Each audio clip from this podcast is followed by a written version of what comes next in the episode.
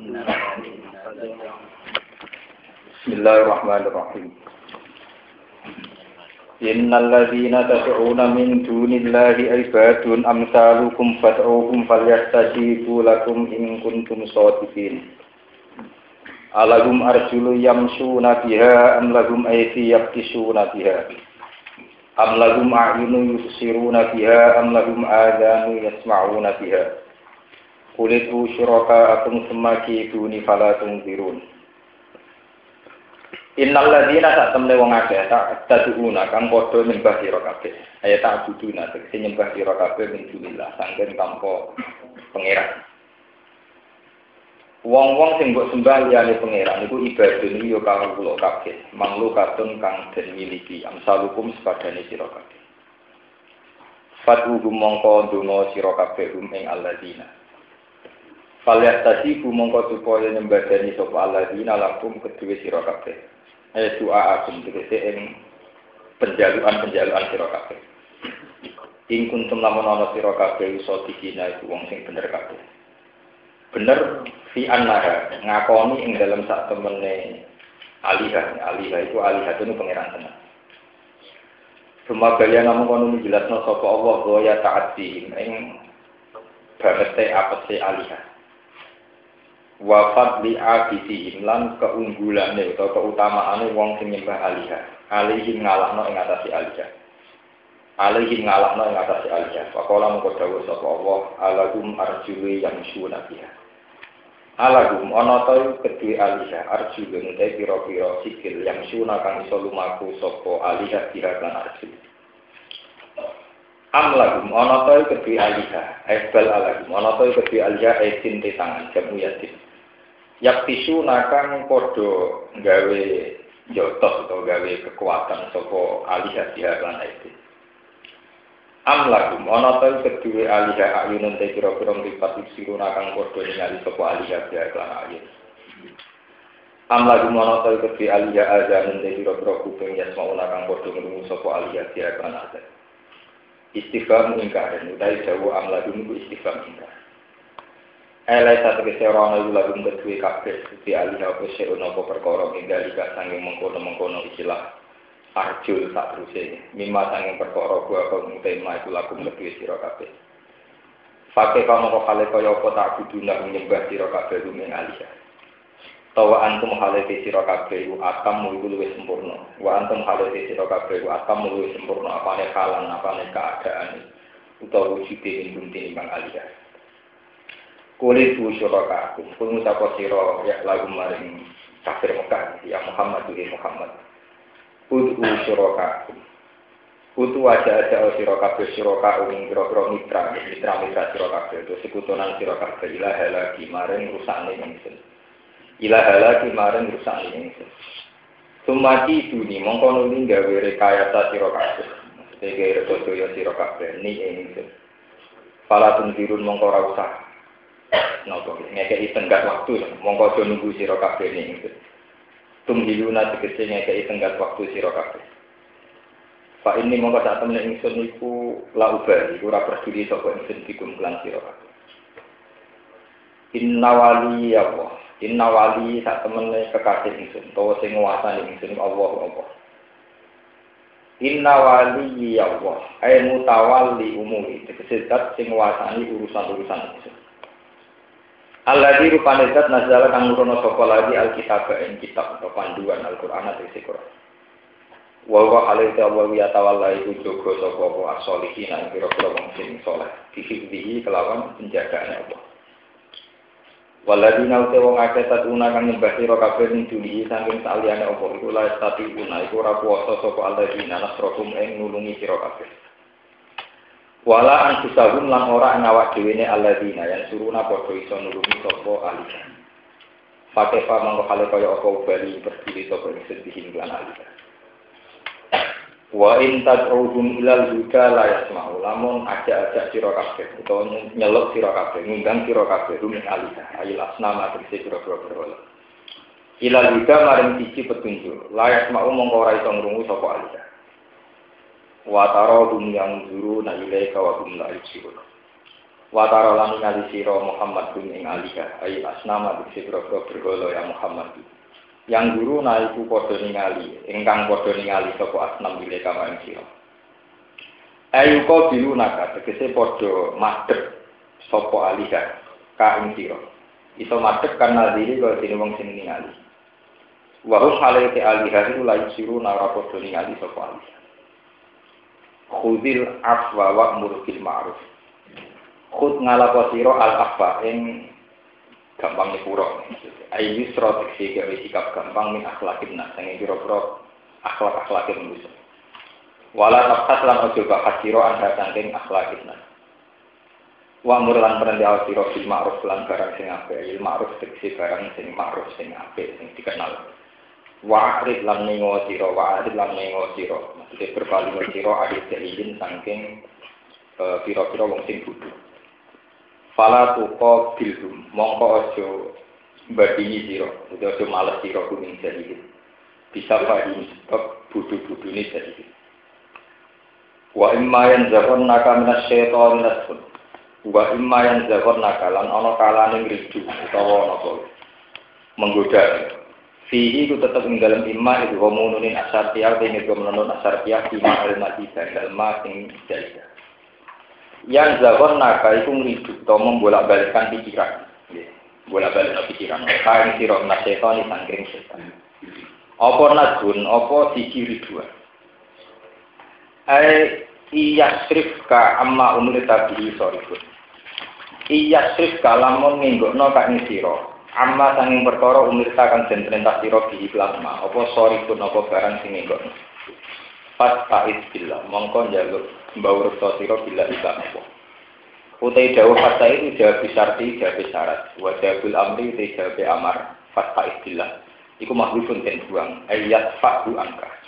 Mongko iso nolak sapa Allah bu ing nas seton angkat sang sira. Yat fa bi seton nolak sapa Allah bu ing nas seton angkat sang sira. Indah usah temui Allah sami endat tinggi karena diri kau lima yang pengucapan alim untuk datang pirsa sisi kelawan penggawe. Kemudian ini kalau terang lagi. Ini jelas surat Makiyah. Surat Makiyah itu dia mulai apa? Innal ladzina tad'una min dunillah ibadun amsalukum. Ini surat-surat napa? Makiyah. Artinya ayat pak ayat ini itu Makiyah. Meskipun secara umum surat napa ini surat Araf napa ini. Araf ya, itu banyak yang Madaniyah. Surat ayat ini jadi jelas. Persis ayat ini jelas magia. Jadi sebenarnya magia itu gampang. Ada satu peradaban yang sangat tidak rasional. Ini itu tiang nyembah bergolor. Patung Hubal, patung Lata, patung Busa. Ya, tapi masih ada peradaban-peradaban yang sangat-sangat tidak rasional. Itu nyembah, nyembah patung. Terus Kajing Nabi lewat wahyu jika ngelengaken bahwa patung-patung yang kalian sembah itu ibadin amsalukum. Ya podo itu. Nak panjang itu pengiran tenang, kue di penjaluan, kemudian mereka disuruh nijagai, disuruh mengkabulkan permintaan itu. Falias tadi apa? Lakum ingkuntum. Terus diingatkan dengan cara paling awal. Apa mereka punya kaki yang dipakai jalan, apa mereka punya tangan yang dipakai kerja, apa mereka punya mata yang dipakai melihat, apa mereka punya telinga yang dipakai mendengarkan, dan sebagainya, dan sebagainya. Ayat ini sepintas itu tidak ilmiah, artinya memang ngadepi masyarakat awam diingatkan total bahwa patung-patung yang kalian tuhankan itu nyatanya sekedar jalan saja tidak bisa, sekedar melihat juga tidak bisa, sekedar mendengar juga tidak bisa. Kenapa Anda tuhankan? Tapi lebih dari itu itu ada masalah. Kalau tak cerita, itu ada masalah. Setelah Nabi Isa wafat, itu kan ada kelompok-kelompok Nasturiyah, Yakubiyah, ya, tentang terminologi Kristen, ya, wonten Yakobus itu dulu kalau bahasa Arabnya namanya apa Yakub, ya, beda-beda Yakobus, Nasturiyah dan sebagainya. Sehingga zaman Patroh itu, itu ada zaman di mana satu tingkat kultus itu menyamai tingkat rasional, dianggap kayak rasional, kayak suatu sendiri.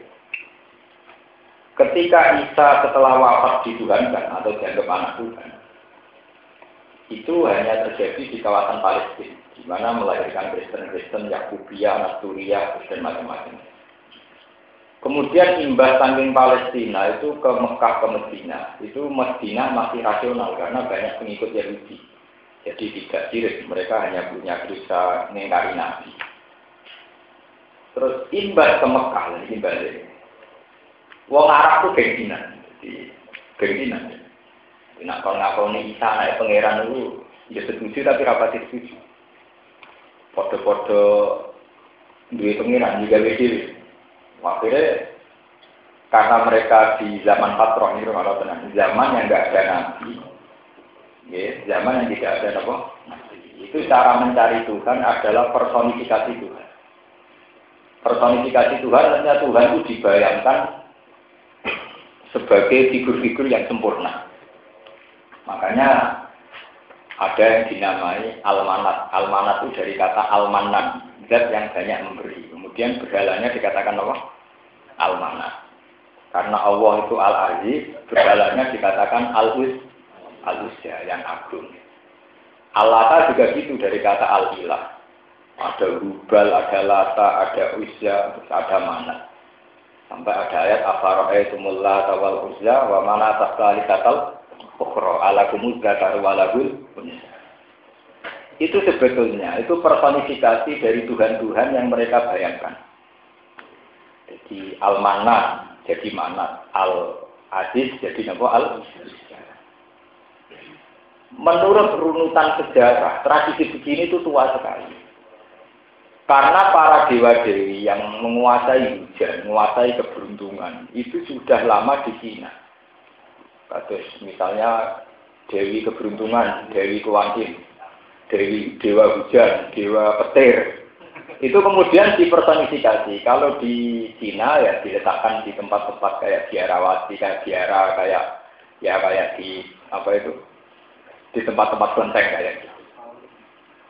Di di apa ya di Shaolin Shaolin Temple apa itu dia. Terus kemudian di Arab juga gitu. Ini pulau cerita.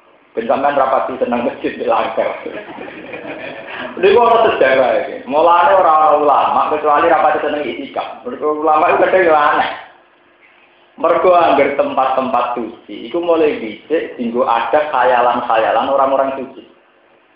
Karena para dewa-dewi ini orang-orang suci, orang Cina meletakkan itu di kelenteng. Karena Tuhan-Tuhan itu juga zat suci, lata udah tidak kok masjid haram, di sejarah kak. Jadi barang suci, sejarah barang suci. Ini kalau cerita sejarah, memang rata-rata ya sejarah. Dulu ketika zaman Nabi Nuh, ini sampean roh sejarah. Jadi ya ono hikmah ya wong Islam kadang ngrapati itikaf ning masjid malah ning dalan-dalan ya ono hikmah. Ya ono hikmah ya ono hikmah ya lain Dulu zaman Nabi Nuh itu ngadepi satu tradisi. Wa qalu la tadaruna wattau wala suwa'au wa la yahusa wa ya'uqa wa nasra wa adallu kasih. Nggih. Wadan suwaan yahus nasr. La tazarun nawat wala suwa wala yahusa wa yahuqa napa? Itu nama figur-figur soleh. Itu nama-nama orang sakral yang dihormati. Kalau saat ini Australia, Sudirman, kalau Soekarno orang-orang soleh menjadi pahlawan. Kemudian masyarakat itu diri setan. Orang-orang soleh harus diabadikan. Maka bikinlah patung. Secara Orang-orang soleh itu harus diabadikan, maka bikinlah. Karena hormatnya berlebihan, patung itu harus di tempat yang suci pula, itu tidak kok di musola, masjid-masjid. Di periode pertama, patung-patung itu hanya sebagai kenangan, kenangan pada jasa-jasa orang soleh itu. Generasi kedua sudah dianggap bagian dari dewa dewi, bagian dari Tuhan. Kemudian tradisi itu menyebar ketika periode setelah Nabi Nuh pun menyebar sampai ke Cina, ke Eropa, ke mana-mana. Sehingga ada adat istiadat di antara peradaban manusia adalah personifikasi hal-hal yang sakral. Dibayangkan Tuhan itu kayak ini, dewa langit kayak ini, dewa hujan kayak ini, dewa keberuntungan kayak ini. Nah, Arab sebagai sebuah bangsa yo ketularan kejangkitan penyakit itu. Akhirnya ya gawe dewa dewi sing rupa latan apa? Ujian. Mana kalau bolak balik matur tengah niki yang termasuk mengabadikan agama Kristen adalah karena tiap gereja itu dikasih patung Bunda Maria. Karena patung itu tetap bisa mengurangi tingkat rasionalitas manusia. Orang setelah melihat Bunda Maria menimang Nabi Isa, orang melihat Yesus di salib, itu adanya haru. Haru ingin balas jasa, Yesus mati demi kita. Apa kita berani mati demi Yesus? Sehingga perasaan-perasaan emosional itu mengganti perasaan rasional, di mana tingkat keabsahan Yesus sebagai Tuhan itu kayak apa, rasionalitasnya kayak adanya itu haru. Sehingga patung-patung itu dalam Islam dilarang sekali. Karena kalau sudah rupa patung, misal sampai santri lah, yang sing ngaji nih gini, santri tahu kita mantep lah. Kalau patung bedoro kalau nyekel bulunya nak wani, dan dengar irungnya ora wani, soalnya kualat tenang. Pemenang apa patungnya wis tua, sama bunyi-bunyi dewan, mau beli, wedi tenan. Kayak kualat tenang. Hanya tingkat rasional kita, rasional kita bahwa itu patung gawean muntilan. Jadi dicolong. Niku niku kalah, anak niku kalah mbek karismane bentuk patung sing mewakili dewa dewi. Mereka kecelok iki patungnya Kala. Iki wong misalnya wong Islam wis mereka nggih patunge Jibril lan malah sakral. Wah, patungnya napa? Jibril. Jajal lah zaman ke bisnis patung napa? Jibril. Kok wong wedi. Patung Mikael. Wong mesti mesti. Lha iku dari ini kasih Nabi dari Quran wa tarahum yang guru na ilaika wa hum la suruh. Mbok pentelengi sawangane malas tenan. Wah, mesti. Lah kula nek selawat yang lagi anak idealin andel patung dhewean yo mirip. Artinya sawangane kayak punya kekuatan magis. Nah, tingkat rasionalitas orang itu akan hilang saat patung-patung itu sudah menjadi simbol. Misalnya sampai melihat di keraton Jogja, di Taman Sari atau apa itu kan banyak patung-patung. Ini patung Bedoro Guru, Bedoro Kolo, ini tolak bala. Soalnya nak ada patung ini ada bala. Padahal ada lah ya ada bala. Karena sudah kadung diberi fungsi. Ini patung tolak bala, ini patung membawa keberuntungan dan Nah, fungsi-fungsi ini yang kemudian dilawan oleh Quran. In hiya illa asma'un sammaitumuha antum wa ba'kum nazalallahu biha min Penamaan-penamaan berhala dengan nama-nama yang keren, yang beken, itu ciptaan kalian semua. Sebetulnya tidak ada sama sekali. Yaitu tadi, karena sudah kadung dinamakan ini patung Dewi Kuan Im, kesannya keberuntungan. Sama kalau melihat film-film India, orang kalau mau nikah, ada kembang ini patung apa, dewa keberuntungan. Bahkan dewa ular kobra itu disembah. Padahal jelas-jelas ora kobra reputasine mateni wong. Lho iso dimitosno nggo napa? Patunge nggo napa? Keberun. Keberun. Itu artinya sejarah membuktikan bahwa yang namanya patung itu membunuh rasionalitas, membunuh akal. Sebab itu Islam mati-matian ngaramno napa? Patung. Mereka tetap membunuh akal. Lho fungsi Ka'bah zaman itu kegusur ambek patung. Gue patung ngelata Uzza itu luwih keren di Ka'bah sing kotak. Wah, kalau seneng Ka'bah bentuknya kotak, wireng, ra jelas bagus. Ini ngali bentuknya apa? Ini fungsinya kayak apa? Lana ana khidmah Ka'bah bentuknya ra jelas. Kotak, wireng pun, hajar atau hajar wireng pun. Gak keren-kerenan kok giok malah bar cawang imbang malah didol. Itu sejarah itu tua sekali, yaitu dimulai generasi Nabi Nuh sampai ke Cina, menyebar ke Eropa, sampai ke Palestina, termasuk ke Arab. Itu dipersonifikasi. Mulai saat ini yang menjadi masalah. Ketika fakta dunia semua itu diabadikan di patung, misalnya di dari firmannya patung, Pak Karno, tokoh-tokoh besar juga patung. Ini kalau nanti tanya seorang ulama, fenomena dunia begitu itu baik apa enggak? Dari ulama itu mungkin fanatik patung haram ya. Wah, soalnya haram, tetap berarti. Dari ke pulau, nah pulau apa? Aku malah seneng, nak tulisan haram sing ada. Jadi malah kalau barang gak kanggu. Jadi karena patung itu diciptakan di muntilan di mana-mana, orang melihat patung malah biasa itu gaweanku. Ini rumahnya tak tambah lebih lebih mau putung pas gawe. Jadi malah tingkat sakralnya apa? Hilang. Tapi bahwa sejarah Ya, ini kalau cerita sejarah. Bahwa manusia itu orang paling ditipu, paling mudah ditipu oleh gambar, oleh faktor. Ini yang perlu dicatat. Sehingga Islam ini pun mengharamkan sama sekali Nabi sekedar dipotret, Nabi sekedar tiga, tiga. Karena bagaimanapun saat Nabi misalnya ada patungnya atau ada gambarnya, minimal orang itu merasa nyaman. Misalnya sholat dekat patung Muhammad Misalnya wiridan dekat patung Nabi, dekat gambar Lama-lama ini tetap diakibat menuhankan Nabi. Sehingga Nabi Muhammad sama sekali nggak boleh digambar, nggak boleh dipatungkan. Ini kalau cerita sejarah, sama contoh contoh terserah. Bahkan Nabi sering ngendikan, sekedar fisik, itu tidak boleh ada surat sujud. Misalnya sholat jenazah. Andai kan dalam sholat jenazah kita sujud, itu pun sujud kita lillahi ta'ala bukan kepada jenazah. Tapi bagaimanapun bentuk jenazah itu di depan.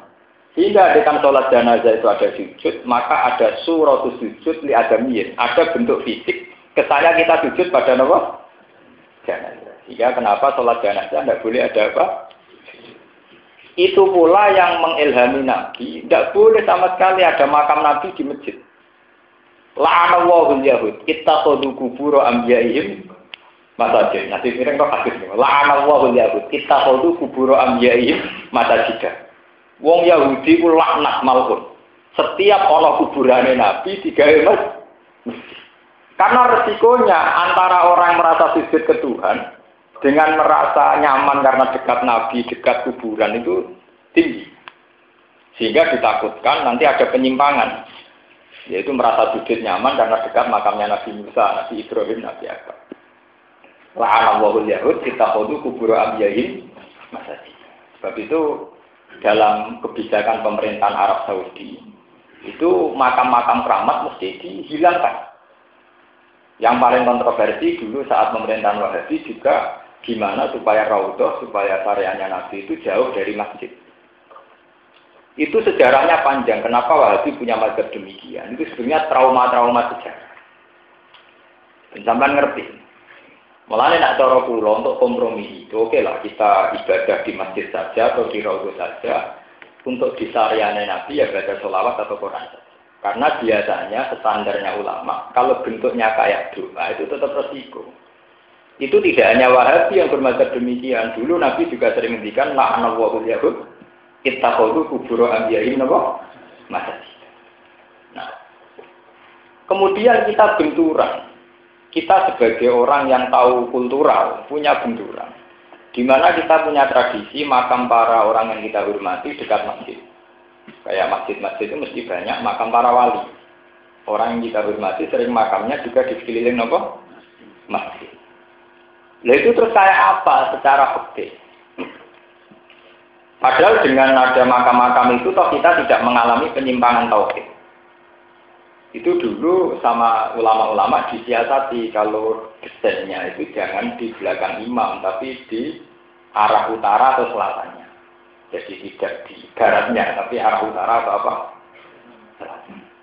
Itu dulu sampai begitu perjalanan-perjalanan ideologi gimana supaya menghindari surat sujud ya ada ya. surat sujud ya sehingga kalau cerita, sirine kenapa sholat jenazah itu tidak ada rukuk, tidak ada sujud. Karena bagaimanapun tidak boleh ada surat sujud. Ya. Nah kalau sampean tanya, kenapa Nabi Adam malaikat disuruh para sujud? Ketika Allah menciptakan Nabi Adam, semua malaikat disuruh nopo? Itu semua mufasir sedunia, entah itu aliran apa saja. Itu sepakat sujud yatin atau sujudan finan Sampai lihat tafsir apa saja. Arti sujudnya para malaikat kepada Nabi Adam sekedar hidup. Sujud tahiyatin atau sujud infina infina. Jadi cara Jawa ya kados ngeten tok, diluk sujud nganti kados sujud di sholat. Karena sujud di sholat itu khosun lillahi. Itu hanya untuk Allah. Paham ya? Ini benar ngerti. Karena manusia itu mudah dikelabui oleh patung, oleh gambar. Sehingga Islam mengharamkan total semua bentuk yang ada di depan orang sujud harus tidak ada sujud, yaitu kayak sholat nopo jenazah. Nanti kalau nanti cerita tengah ngaji, nah sholat jenazah itu kayak Abu Nawas. Kalau Abu Nawas nanti kan imami sholat jenazah keliru, ini ruko. ya itu, tak tahu. Abu Nawas, sholat jenazah di ruko sujud. Wah, ini dosanya berat. Moga aku raro ora sujud ra sepuluh. Terus dia pidato, wah, aku sholat jenazah orang rukuk sujud, berarti dosanya ringan. Lah nggak di rukuk sujud, berarti dosanya berat. Ya, mereka kadang salah. Nah, baru itu senang, nggak orang di mana Abu Nawas gak rukuk sujud senang, ringan. berarti apa ini? Wah, dia agak nganti rukuk sujud ya berat. Padahal ya perkara salah itu. Paham ya? Lalu sejarah-sejarah personifikasi Tuhan, personifikasi Dewa Dewi itu panjang sekali. Jadi itu dimulai zaman generasi Nabi Nuh. Wa qalu la tadaruna wadau wala suwa'au wala yahuda wa ya'uqa apa? Sampai delok tafsir-tafsir itu semua adalah nama-nama orang soleh yang dipahat di masjid-masjid, di musola-musola untuk mengenang kekalian mereka. Kemudian generasi kedua sudah melenceng. Ya oke sama ini dulu gampang mau film India. Misalnya ada patung Dewa Dewi, mungkin pemahat pertama atau pematung pertama dulu-dulu itu hanya mengenang bahwa itu tokoh soleh. Lama-lama orang yang datang kemudian kok kembang yang sikile. Mungkin yang toh. Generasi saya ini rasa sekedar dapat kembang yang sikile, diabung nopo sikile. Ngabung sikile bojone ora mesti gelem, ngabung sikile Pak. Betapa mudahnya manusia ditipu oleh patung-patung itu. Zaman waktu neng kali neng merapi ra wong bilat. Tapi baru digawe patung digo napa? Gila-gilatan, digo barokah baru. Makanya Tuhan cara ngitung kayak orang awam. Eling to iku watu, la ya duru wala. Ya, iku piye watu. Sing gawe ya kuwe. Kok saiki mbok sembah, mbok puji bu. Karena apa? Manusia itu mudah dikelabui oleh patung. Sebab itu Islam lain haram patung mati-matian. No, haram tenan. Itu haram-haram no tenan. Karena takut nanti ada nopo penyimpangan. Ada peralihan psikologis di mana naik serupa patung sawangane wataro hum yang guru na ilaika wa hum layu sawangane mendelik tenang delok kowe kan.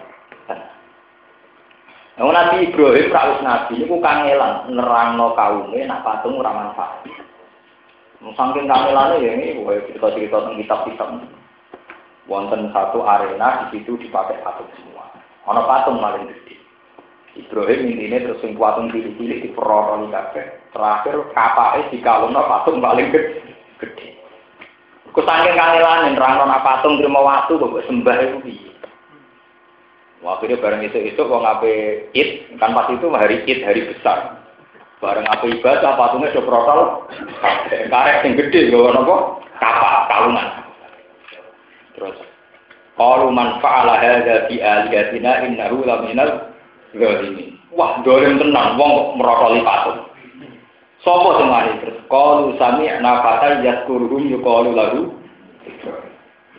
Sing sering ngenyek brolo ya bro, sing paling sing wani merotoli ya napa? Akhirnya Ibrahim ditekakno. Dan Nabi Ibrahim itu kan radis setengah dada. Dia itu turun yang rata. Ya, dan Nabi juga kadang aneh-aneh turun yang rata.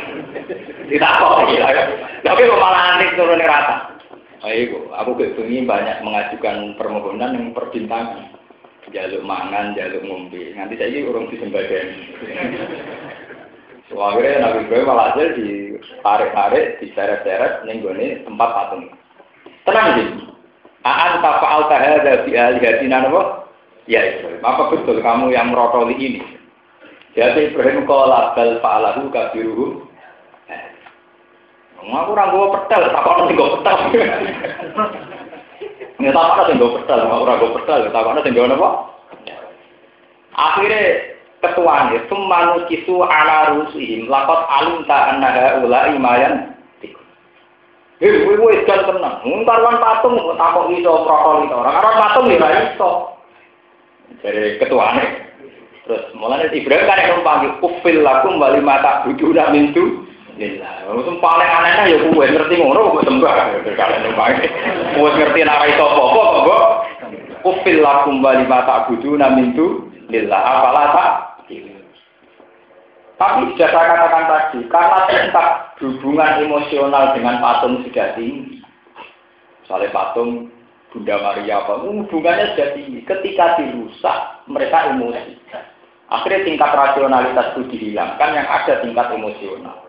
Akhirnya kalau harikuhu wansuru alihatakum ingkuntum Ya wes, saiki Ibrahim obong. Wansuru alihatakum. Kamu harus menyelamatkan Tuhan Tuhan kalian. Jadi secara psikologis dibangkitkan emosi bahwa itu Tuhan kalian. Diprotoli kowe ora bela itu piye? Wong diprotoli kok diam-diam ta? Akhirnya emosi mereka bangkit. Ya wis nak ngono Ibrahim bangga. Itu bukti bahwa tingkat rasionalitas manusia itu mudah dikelabui oleh bentuk-bentuk personifikasi tadi kayak patung kayak mana Islam mati-matian ngaram nono kok. Nah, saat ini itu kados sofa marwah. Ini saat ini nembe geger. Kiai kiai Jawa itu keberatan saat atau sofa marwah dirubah. Nah, pemerintah Wahabi ya nyaman aja. Wong Wahabi paling seneng. Orang barang di sakral dirubah paling hobi. Oh Islam tak dunia ngamuk Allah, ini hobi. Mereka ini madhabnya model ngoten niku, pokoknya yang berbau-bau fisik, berbau-bau di sakral no, niku napa? Dirusak. Lalu tadi sih wong Islam tak dunia kira-kira perkara mas dirubah. Berkiai nulis naskah perkara mas sah tau ora hukumnya piye dan sebagainya. Wong hati ya tenang-tenang aja. Pokoknya hobi, ini rubah-rubah barang yang kira-kira tinggal sakral-sakral. Sakral. Nah, ini kulo ini guru. Guru kulo ini ya rada, ya rada kurang ajar, tapi masuk akal. Oke, banyak kan? Ini ku wadi guru kulo. Ini ku cerita. Hak tangan-tangan itu pemerintahan wadi ya atau hikmah. Lah sudah nih. Ya, monggo pemerintahan Wahabi NU ngono ya kapan tek gua apik to.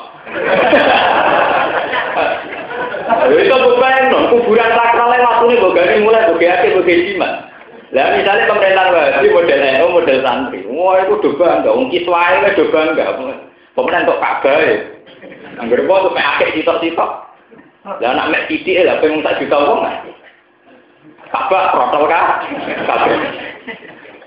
Pengkis wae rebu rebusan. Ya tangan-tangan ya bener, ini ya, ya remaja kurang ajar tapi bener. Ya ono hikmah. Dan dia tidak dukung wahabi ya, ya ono hikmah. Arab dikuasai wae. Gak ngono kabar entek dikuasai. Akhir. Eh tenan lho. Cara lama sing fatwa olehno menawa tiap wong kaji, lho napa? Nyuwili go kebanggaan. Lha wong akeh mulai akeh Sulaiman. Akeh giyo kemuliaan ngono iki akeh batu kak batu Ka'bah. Makanya sampai juga itu, memang agama itu misteri itu. Mulanya kalau setuju mazhab Abu Hanifah. Abu Hanifah itu satu-satunya ulama yang menafsirkan fawal liwat kasat pral masjidil. Niku mutlaku Makkah.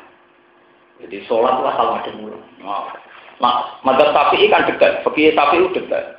Sholat jika dekat dengan Ka'bah, maka harus menghadap Ainul Ka'bah. Kalau agak jauh, maka ila jihadil Ka'bah. Kalau sangat jauh, yang penting Masjid Haram.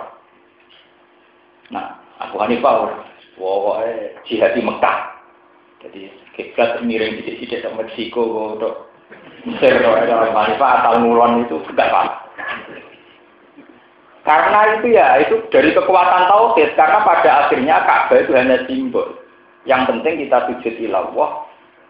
Apa iqbal Allah. Yang penting kita madep ke Tuhan, bukan madep ke Ka'bah. Itu samping dulu perjalanan tauhid itu panjang. Itu ya ada hikmahnya madep begitu. Biar itu tadi. Karena kita punya trauma sejarah tentang bentuk-bentuk fisik yang mewakili hukum-hukum samawi, hukum-hukum tak.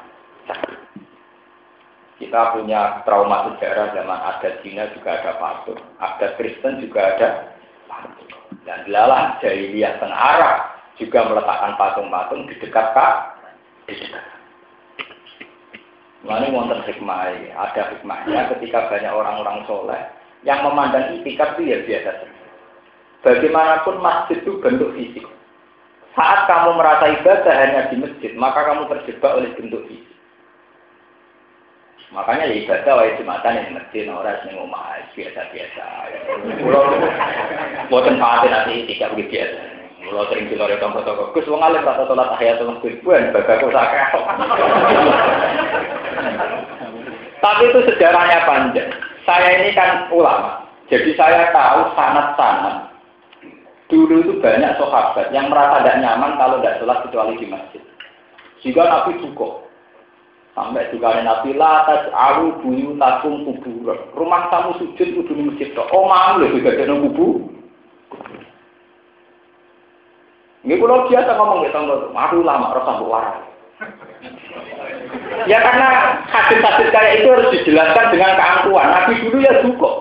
Ketika ada sahabat setelah sholat fardu, sholat tapi sunat di masjid, sholat tapi sunat di masjid. Itu hadisnya sahabat. Nabi juga latas alu buyutakum kuburan. Jangan jadikan rumah kamu sebagai kuburan. Dan secara hukum sosial keluarga itu efeknya luar biasa. Kamu saat di masjid benar-benar sholat, ketika sholat qobliyah dia. Ketika di rumah belok TV, ambil bojo bakas duit. Bus kegorengnya ijek tau ora, gak teh anget, panas, gak kopi anak istri kamu taunya hanya duniawi. Karena dalam memori anak kamu, roy takok ning bojomu kopi, teh, makanan. Mergo bar itikaf ning masjid. Bar putih, itikaf putih masjid. Jika rumah kayak ini cara Nabi kuburan, tidak rumah itu kuburan. Coba dibandingkan, nanti kan kamu sholat di masjid hanya fardu saja. Pulang masih menyisakan sholat bagi atau kebrian. Bu sajadahnya mana? Aku mau sholat. Pak gak mangan, tak sholat sih. Itu dalam memori anak akhirnya ada bayangan-bayangan ibadah. Ibadah. Tak sholat sih. Sehingga di rumah juga suasana religius, di masjid ya religius. Loro-loro nih, rata masjid, rata Wah, itu parah. Masjid. Wah, itu parah. Nah, ini buatan, kalau buatan termasuk itu. Kalau itu buatan sholat di masjid, karena mau sholat di rumah itu akan beda sekali. Sehingga anak-anak kita nih bapak itu kalau datang sih sholat, bapak kalau mau pergi juga sholat. Itu dalam memori anak-anak kita. Jika disunatkan sholat kopiah, kopiah safar, sholat badah. Itu semua ulama sepakat kesunatannya di dalam rumah. Sebab itu dalam Quran diajarkan betul rumah itu tidak sekedar tempat kita bersenggama, hubungan intim apa itu enggak. Tapi waskur nama risla fi buyutikunna min ayatillahi wal hikmah. Bahwa kalian kalian harus ingat fi buyutikunna min ayatillahi napa? Wal hikmah. Bahwa rumah itu ya bagian dari ayat-ayat Tuhan. Makanya kalau kiai alim itu punya sunnah, misalnya lima waktu ngaji itu yang separuh di pondok, yang separuh di di dalam. Sehingga tidak semua suasana dalam, suasana duit, gedang goreng, teh panas, kopi hangat. Itu ngeri kalau gitu. Mentang-mentang mesti itikaf ning masjid, ngaji ning masjid. Mulai beli bakatane pakanan. Akhirnya roy anak bapak dan mbok bakatane pakak. Lah kok niku nak boten dikawiti kula ora salat tekan masjid ora nang pakok. Jadi kudu orang lama nekat bareng. Oh enggak. Kalau kok umum wong ora nang pakok akhirnya kan pakok. Gus dinan yang alim ora tau salat tahiyat masjid. Wen. Aku wis bersolat omah. Ibadahku tak keh nang. Itu dulu Nabi juga ngalami gitu. Cuma Nabi ngapian, bukan orang ngapian gitu saja. Tapi harus ada, memang ulama yang menjelaskan kalau tidak hilang, ilmu kayak ini hilang. Kita ngiranya masjid itu tempat ibadah dan menikah kita. Makanya Nabi dulu nanti jauh, Ju'ilat lanal ardu kulluha tohuron, watur batuha tohuron. Ju'ilat lanal ardu kulluha masjidan, watur batuha tohuron. Ju'ilat lanal ardu kulluha masjid termasuk bonus saya sebagai nabi yang tidak didapatkan nabi-nabi sebelum saya adalah ju'ilat lanal ardu kulluha masjidan. Semua bumi, seantero dunia itu masjid. Jika umatnya Nabi tidak masalah hidup di Eropa, di Amerika, di mana semua buminya Tuhan, semuanya sah untuk kita sujud. Sampai rawuh kalau santri khusus sujud ini masjid, masjid itu sing gawean ahli sunnah. Bila kurang sepuluh sing wal jamaah, waduh, aliran Sing aneh-aneh Jumatan wong dua, nak Jumatan wong liya ora. Jumatan kandang sapi tak ya. harus dilatih, umat harus dilatih bahwa tempat beribadah pada Allah itu di mana saja. Ju'ilat lanal ardu kulluhan apa mas? Bahwa ada sekte-sekte yang masjidnya dengan syarat tertentu. Kalau tidak di masjid ini tidak saya itu sesat. Tidak bisa. Kalau lu makmum masjid Muhammadiyah biasa. Mau aliran dengan anak biasa. Kalau imam pasir bener makmum biasa. Kalau lu masalah itu paling fanatik. Fanatik biasa maksudnya fanatik tidak ada masalah. Muasal acaranya sujud nih pangeran tak anggap positif. Lha kula ate kali tahun teng daerah Mimbang, daerah pinggir hukum. Ibu cara santri fakir salat isya kula wis biasa makmum. Kanca-kanca santri kula sing ngaji kula tak kuwatir ya nek kata sing ngaji kula. Gus mboten ada gua. Wis cara kula ngeten buan. Masjid terminal Semarang luar ya lagi Semarang sering sholat dan nak jumatan buat nanti yang matang pulau. Gue sering gitu al. Gus cara pakai kata buan. Buan rasa lah kayak ada gus Gue nak iya mengampun rokok. Kok takut? Ngelecehno lembaga ibadah. Mau ibadah apa-apa malah rambut sama. Malah kena ya adam di rokok. Sing apa ya rakyat kayak itu. Wes ora kesel Gus Nudon. Artinya wes ora kesel ya ada Gus Nudon. Kowe wes kesel tuh udon. Ya artinya ya ada wes kesel tuh udon wong liya ora Berarti kowe loro wis kesel iki apa? Karena aku saya nak wis ora kesel mlebu swarga mergo Kulo nu ora kok kandhani pekeh, kulo kita pekeh berjilid-jilid tak waca pengalaman. Hukum-hukum ngoten nu pengalaman. Aku lho sing aneh-aneh, ngerti debat mikir, waduh sayangnya sing aneh kesebahasa. Terus mikir, debat kulo mikir. Ya masalahnya mau nguraan daripada debat kalah kan aku Tapi sebetulnya setiap ulama itu memang harus menjaga konstitusi keulamaan. Itu termasuk Nabi sendiri begitu. Itu kenapa Sayyidah Aisyah begitu sering cerita tentang tahajudnya Nabi, doanya Nabi setelah tahajud. Itu andai kan semua ibadah Nabi di masjid, itu tidak akan ada hikayat-hikayat Aisyah sampai detail Aisyah cerita bahwa Nabi sholat kata warung atau gamaru sampai sikile ini melempok itu di rumah semua.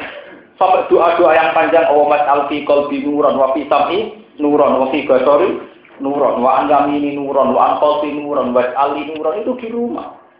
Sehingga Aisyah tahunya Nabi ya ibadah itu. Khadijah tahunya Nabi ya ibadah itu Orang sampai yang masjid religius mulai terbingsangan. Tak kok kopi panas dulu, kalau orang tak bisa ngamuk, waduh salah. Semarang-marang tak ngotot kopi, dia bisa sini ngamuk, dia bisa itu malah karo karuan. Akhirnya tukaran berkolot tinggi pecah. Kiai kok tukaran berkolot tinggi. Mana tercuci tangan. Mulai bakatan itu, kalau buatan nanti tangklet misalnya piring pulau hilang atau pinggir pulau kesayangan buatan nanti Kulo niku nganti saat ini gak kopi secara nomor tujuh kulo. Kulo tak anggap urusan dunia selesai. Ya gak kopi, gak kopi dewi itu biasa banget. Saking saya ingin melatih bahwa keluarga itu harus ilah di rumah. Dulu Nabi itu begitu. Mau pergi sholat, mau datang sholat. Malam habis tahajud dan sholat. Jika Aisyah itu tidak bisa menuntut banyak, pada Nabi itu tidak bisa. Karena tahunya Nabi ya mau sholat. Terus bakat agama. Ya sudah. Nabi sang nemene bakat agama iku nganti nak poso ya karu-karu. Sesuk tak kok sah. Dia sah, boten ya Rasulullah membeda di duit tadi cara ya wis tak poso. Jadi tahunya itu logika-logika agama ya sudah kalau udah bisa sarapan ya puasa. Kalau sampean boten boleh usahakan. Terus kere kapitalis. Harusnya kita kan dari dunia ke dunia, dari ke dunia apa?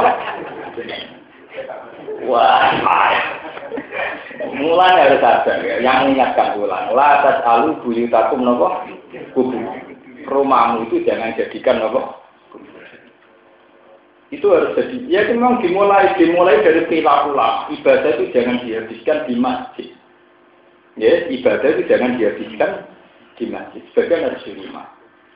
Ya itu soal dari apa? Latas alu buyutakum kuburan. Itu nabi dawuh saat sahabat sering di masjid saat sering sholat di masjid lah akhirnya mau bolak-balik kabeh empat belas itu ngelahirno kesesatan. Lagi aja itu ngerok balik itu terus ratau ini. Tapi ya kalau sholat nengok, ya wes nanti kumpul lo belok. Akhirnya saya seneng itikaf sama tablet.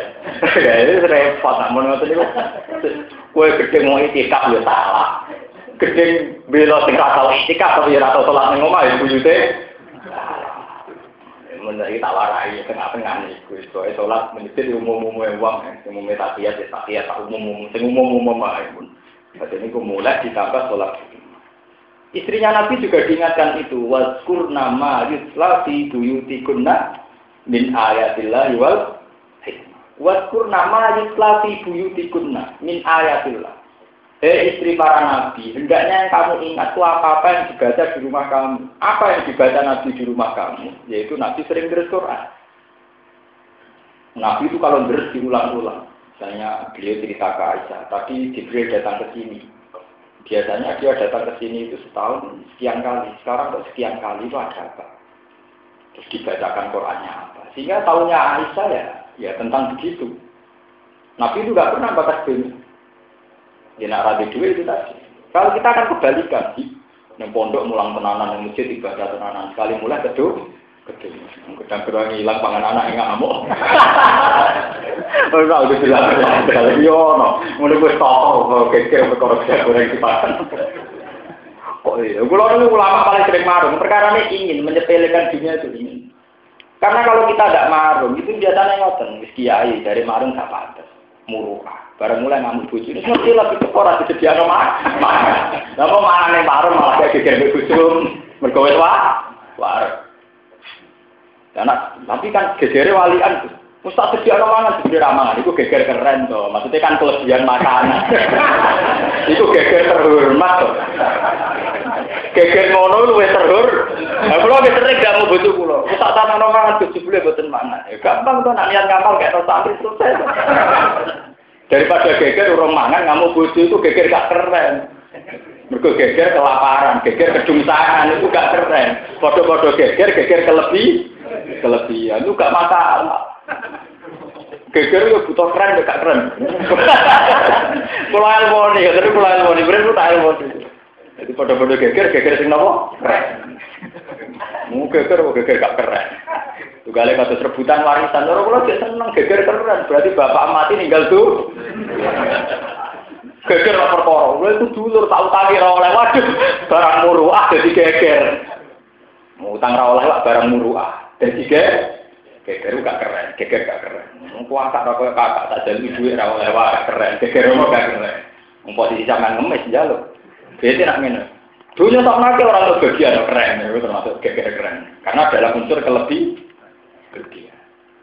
Paham ya? Jadi lewat ngaji ini sampai menjadi tahu bahwa Nabi itu sampai masjid sendiri sebagai bentuk fisik yang dikatakan bahwa masjid adalah Baitullah itu saja oleh Nabi dianjurkan tidak untuk menghabiskan ibadah. Tidak boleh orang ibadahnya dihabiskan di masjid.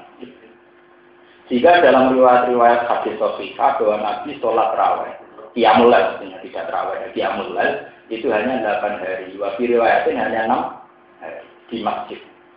Setelah sahabat mengikuti jejak Nabi di masjid banyak makmum Nabi, Nabi akhirnya tidak mau ke masjid lagi. Sholatnya total di rumah. Dan itu hadis sama cek gua, ngono rasa terawih di masjid. Wah, repot Tapi ada banyak riwayat yang menunjukkan betapa Nabi itu tidak ingin menghabiskan semua bentuk ibadahnya di masjid. Itu riwayat-riwayat Sofika. Sampai tentang Qiyamul Ramadan kan kata nanti pertama Nabi menambahkan sholat lebih, hari kedua lebih, hari ketiga artinya sahabat banyak yang makmum, hari keempat banyak makmum, tapi hari keenam sampai delapan Nabi sudah keluar lagi.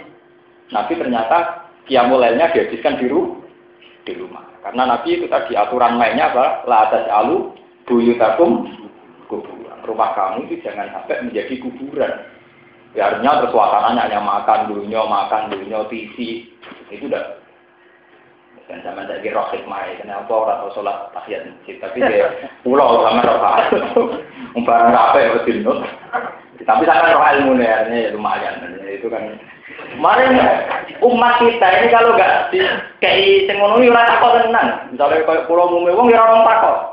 Berhubung orang orang ya takut mudine ya takut muadzine ya takut. Gus nyun saya beri takut. Wah, ini buat nanti selesai betul. Tak mau saya takut entok. Gue, aku kiai, bersyukur semua, bersyukur sholat, gue, ngamal ke suaka. Ah, gue bar kota sawah, bar rumah sapi itu sholat tahiyat masjid. Bangunan yang ngomong rumah sapi ini masjid ratolat. Jadi ya gendenan anak aku kiai kesel ya gue sholat berdua ya. Itu sebetulnya ada hanya guyonan. Jadi dulu Nabi juga ngajarkan itu, tapi ya dengan cara Nabi. Itu ada sahabat yang menghabiskan ibadahnya di masjid, kemudian ditegur Nabi nama latas alu Goyo satu nama kuburan. Rumah kamu jangan jadi apa? Ini contoh paling gampang itu tentang TPG TPA. Itu sudah banyak keluar. Pulau Jawa ini termasuk yang berpendapat TPG TPA itu bagus sekali ya, karena menjadikan anak-anak kecil bisa baca Quran. Yang agak lupa itu kalau dulu tradisi nenek moyang kita, leluhur kita itu setelah kita ngaji di langgar itu masih ngaji sama ibu. Saya itu baca Quran khatam itu sama mbak saya. Ketika saya baca khatam kedua itu sama ibu saya. Jadi setelah ngaji di pondok sama kangkang, saya pulang itu masih ngaji sama ibu. Sama itu membekas sekali. Selain membekas di keluarga suasana Qurani, juga keluarga itu membawa nur. Jadi harusnya anak-anak TPC TPA, meskipun orang tuanya tidak bisa baca Quran, itu harus diajarkan. Setelah di rumah, harus dibaca. Sehingga rumah ini juga suasana Quran.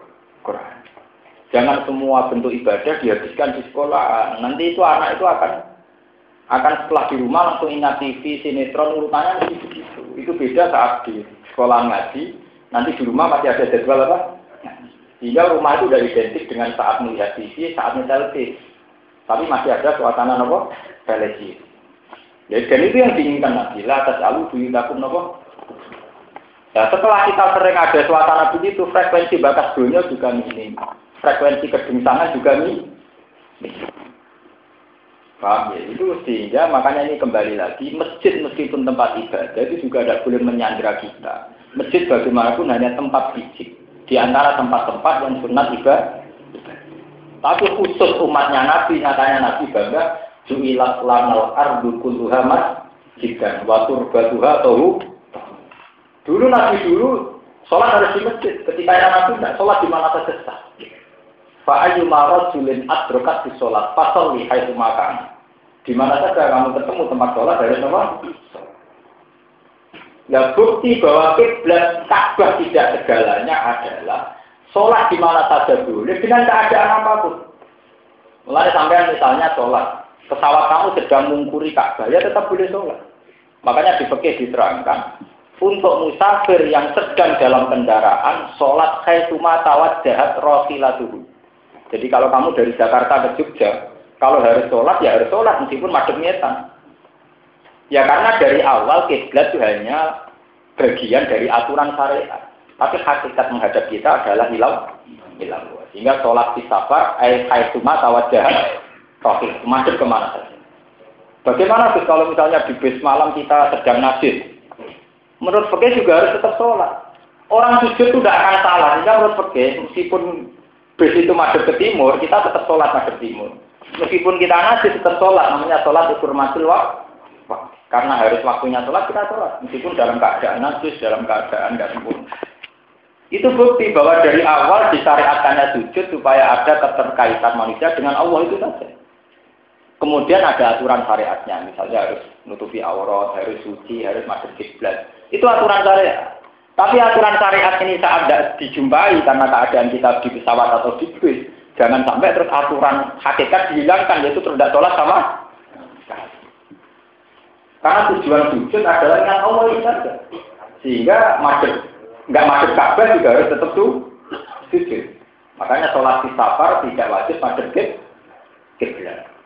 Sholat dihormati waktu juga ada harus tuh. Ayo, coba ya baca bulan, puasa bulan Muharram ini bulan.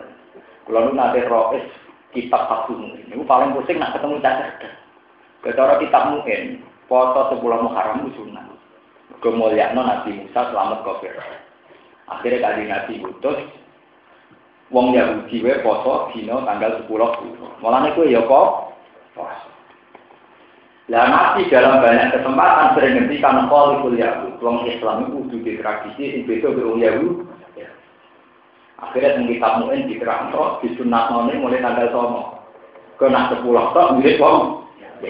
Akhirnya berang mirip dimulai tanggal lah wamin sama karena tanggal songo sunate sunat arifi, sunat yang baru. yaitu berbeda wong Yahudi. Wa sama dengan alasan ini Nak tanggal songo kadung rapoto, kowe kok foto tanggal sepuluh di sunat, foto tanggal sepuluh. Beda mbek wong ya. Kan pakai-pakai apa to lho Nak kadung rapoto tatuah di sunat, foto tanggal sepuluh, beda mbek wong ya. Kanca kula tak antuk. Walah Gus, kepengin beda kok repot. Kepengin beda ya uji foto ini ora foto. Mate. Oh, Gus, Gus kepengin beda kok repot. Foto tanggal 10, 10, 10, 10. Lah kepengin beda ora usah. Lah ngono tuh kale misale nak degoten ora kumisen iku gak padha wong Yahudi. Mergo wong Yahudi kumisen gak ding. Wah, kita wis beda karo tugas kene mlarat. Wah, ya Beda kok urusan jenggot, kono wis tugas kene mlarat. Wah, ngono ya rusak agama banget ngono. Kalau udah kenangan kakak ya, tentang bahwa fakih itu memang bisa disoal. Lain sing ahli-ahli fakih ini kudu mikir. Fakih itu memang bisa disoal. Kalau nunggu isi eling tenan, teman jadi roh itu kangelan tenan. Ya pertanyaan. Kalau sudah kadung ada jamaah itu kan ada urutan. Misalnya Abdul Sufuf itu sok yang paling dekat imam. Yang paling hebat adalah an yaminil imam. Kalau menurut aturan fakih kan kalau imam sama makmum, makmum pertama kan an yaminil imam. Makmum kedua anjasaril imam. Terus kalau sudah ada yang ketiga datang, yang dua ini agak mundur, kemudian yang tiga ini jejer. Berarti anyaminil imam, anyasaril imam, sama imam. Tapi peke kan tetap bikin urutan. Paling afdol yang anyaminil imam. Dari kanca pulau. Kalau begitu Gus, diaktualisasi saja. Jadi desain masjid jangan imamnya di tengah. Nanti resikonya ada yang anyasari imam. Masih ada yang dari kiri. Saya ini imamnya gempes loh itu nengelor. Sehingga semua makmum anyamin imam. Jadi imam itu masjid misalnya imamnya sudah tapak tengah. Gempes no paling lor. Sehingga semua makmum anyaminil imam. Umur dari paling afdol anyaminil Gampang tuh, supaya ada imam kafe, imam itu kok pojok. Bawa pojok kiri otomatis makmum. Anyaminil apa? Imam. Wah, ya kena mutajilah itu repot pertanyaan. Jadi akhirnya kalau tanggal, lah anak desain masjid wis ngono paling abdul sing Paling abdul sing paling parah ke imam. Anak ngono ngerubuti imam. Ketika bentuk masjid begitu paling abdul toh. Ya yang paling parah imam. Nah, ngono kerubuti imam lah. Artinya mubeng ya, mubengin apa? Makanya deh, pertanyaan begini itu nakal tapi penting. Mulai pulang saya itu bermadzhab sapi, tapi pengagum mazhab Hanifah, asuhan. Saya itu bermadzhab sapi, tapi saya banyak mengagumi mazhab Hanafi. Andai kan tidak ada mazhab Hanafi, maka semua masjid di Indonesia tidak sah. Semua masjid di dunia mungkin tidak sah. Karena mesti secara matematis salah. Kalau sholat wajib menghadap ke Ka'bah, Ka'bah itu luasnya berapa meter? Dengan kasih kasih kabar itu meter. Luasnya. Wonten 40 meter? 10 ini luasnya itu 16 meter. Kalau sholat wajib menghadap Ka'bah yang 16 meter, harusnya desain masjid luasnya maksimal 16 meter. Padahal masjid kadang luasnya sampai 20 meter sampai 30. Bayangkan kalau dari Indonesia secara teori matematis sampai ke Mekah itu sudah beda negara. Gitu. Kalau dari sini sudah menyimpang satu meter itu kali sekian negara kira-kira lintas nomor. Kalau sholat wajib menghadap Ka'bah dan Ka'bah itu 16 meter, harusnya desain luas masjid maksimal 16 meter. Karena di luar itu mesti melenceng kan? Lagi dong, misalnya masjid tambahnya rong puluh meter, mesti orang sing anak gak kabar. Bodoh patung Cleopatra, bodoh Fir'aun. Lalu itu kalau kali sekian negara kan melecetnya kan? Gitu kan? Mulai pulau itu kadang dengan mazhab sapi itu memang berat. Mazhab sapi itu menyatakan harus ainul kiblat. Kalau tidak ainul kiblat, satral masjidil tapi Abu Hanifah itu mengatakan nafsu Mekah, masjid haram di situ artinya mutlak apa? Mekah, pokoknya asal Mekah. Dan sesuai menolak aku hati, asal Arab Saudi. Orang terima Mekah, asal Arab apa? Saudi. Jadi barang kalkulasi ya jatah timur tengah, ya kambanan, nah, timur tengah itu apa? Tidak artinya begini ya, kita memang fanatik mazhab Syafi'i.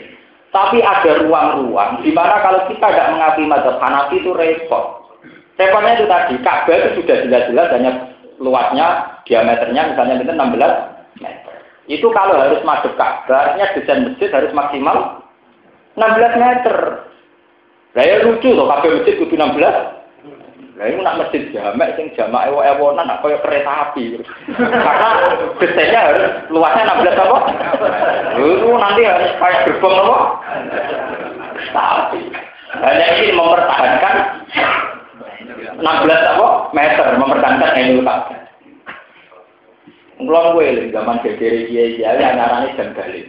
Tahun pinten kulo lali. Zaman nyarani kiai itu Rehan menemukan teori-teori falak modern yaitu ditopang jam dari jam yang menuju arah kiblat.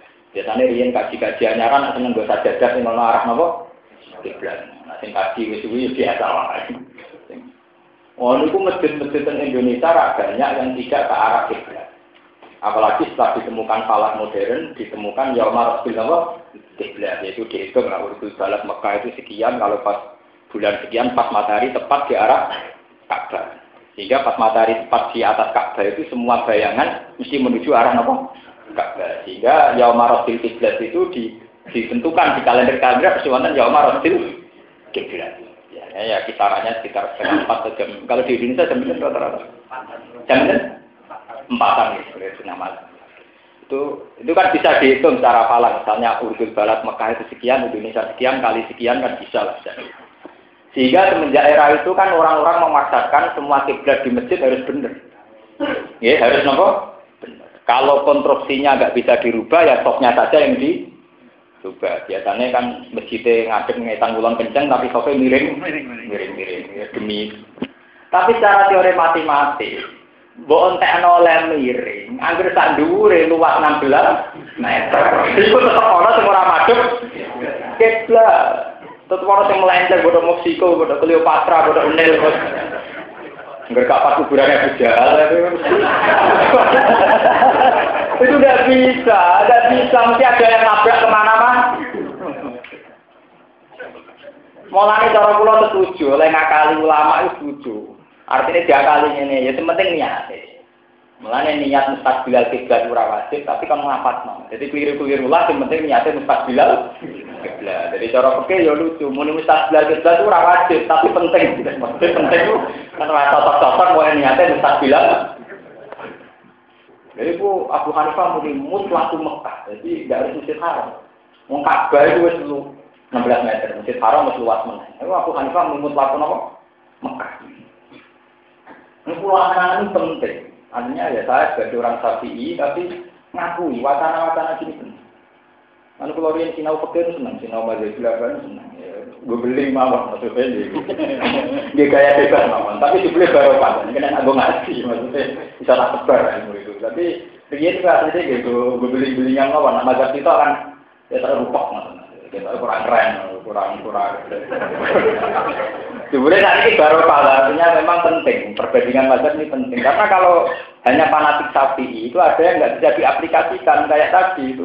Kalau diameter kabelnya 16 meter, harusnya desain masjid kalau wajib enul kiblat maksimal benar.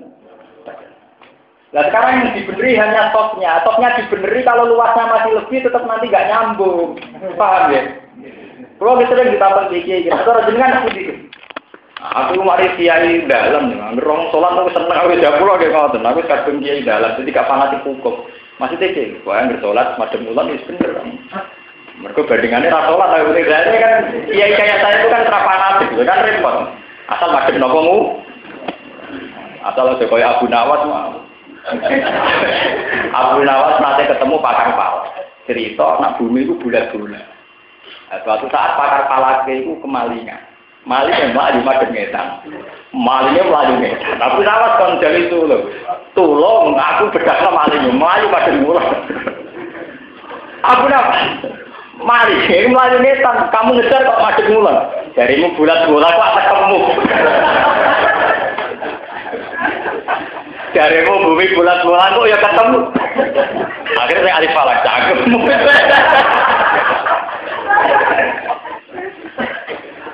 Merdi teng Tino. Teng Tino lu wonten masjid tua, teng Kingking kula nate ndelok teng jejak Rasul, teng Kingking lu wonten masjid tertua di Cina. Iku kiblat iku bertolak belakang mbek Mekah. Ya hanya masjid satu itu. Jadi misalnya Mekah utang kulon, ya berarti maksudnya Tapi kemudian Mulane dari pakar-pakar sejarah, jangan-jangan pendiri ini gila ilmu falak. Mereka nak bumi bulat-bulat kok tok tok. Tapi gak kayak aliran yang dibantu dulu, langsung sholat macam metan. Ibu mergo bodoh, nak ora perkara falak. Niku wonten. Itu akhirnya dirubah oleh Robitotul Alam Al-Islami disarankan tidak apa pun keyakinan kita tentang ilmu falak, kalau masalah kiblat nggak boleh begitu. Gitu. Itu harus rusak kabeh. Berarti sholat yang benar macam mulan atau macam ngetan. Bukan ngalam itu kan gak tuh. Wah, ya rusak aku mau pak surga kenapa? Rusak. Makanya dikatakan bahwa teori bumi kurawiyun itu tidak boleh mengganggu arah kiblat. Karena menurut teori falak arah itu hanya satu titik. Ya, ini rumah tenang. Secara teori jihad itu hanya ngakui satu rubuk seperempat dunia. Karena yang satu masalah itu hanya seper. Sehingga kalau sampai nggak dipala karena kayak tutup Jawa, tutup es itu, ini jenenge rubuk. Sing kotak kayak nopo sepertiga nih, seperempat. Ya. Karena menurut teori falak arah itu hanya satu seperempat. Jadi misalnya kalau sekarang siang, yang siang ya hanya seperempat dunia. Kalau malam hanya seperempat dia dong, kita tak mangke sini malam. Di Arab Saudi saja belum malam karena terpaut 4 jam. Kalau kita dengan Amerika terpaut 12 jam. Makanya bisa dihitung yang satu musim sama-sama malam tuh paling hanya seperempat ini. Yang satu arah, satu malam, satu waktu itu hanya nomor seperempat. Ya, sehingga arah juga hanya seperempat. Jadi tidak bisa masalah kiblat kamu buat satu satu bumi tidak bisa harus satu arah satu arah satu masalah sehingga tetap ada keharusan madep mulon itu harus ada. Tidak boleh kayak Abu Nawas itu tidak boleh. Maling ngetan di bedak nopo? Mulon gonggor akan ketemu Iku mau ngenyak ngenyak pakar palak kok. Mau pakar palak ku nak bojone ngalor golek ngalor. Kok kenapa gak golek ini? Iku tak bisa tapi Tapi penting jangan kemelek, ngelatih kecerdasan. Enggak senam otak. Mulai mulai terus akan. Bismillahirrahmanirrahim. Innal ladzina taqaw idza massahum ta'ifum minas syaitani tadzakkaru fa idza hum mubsirun. Innal ladzina temne wong akeh ittaqo kang wedi sapa alladzina, kang takwa sapa alladzina.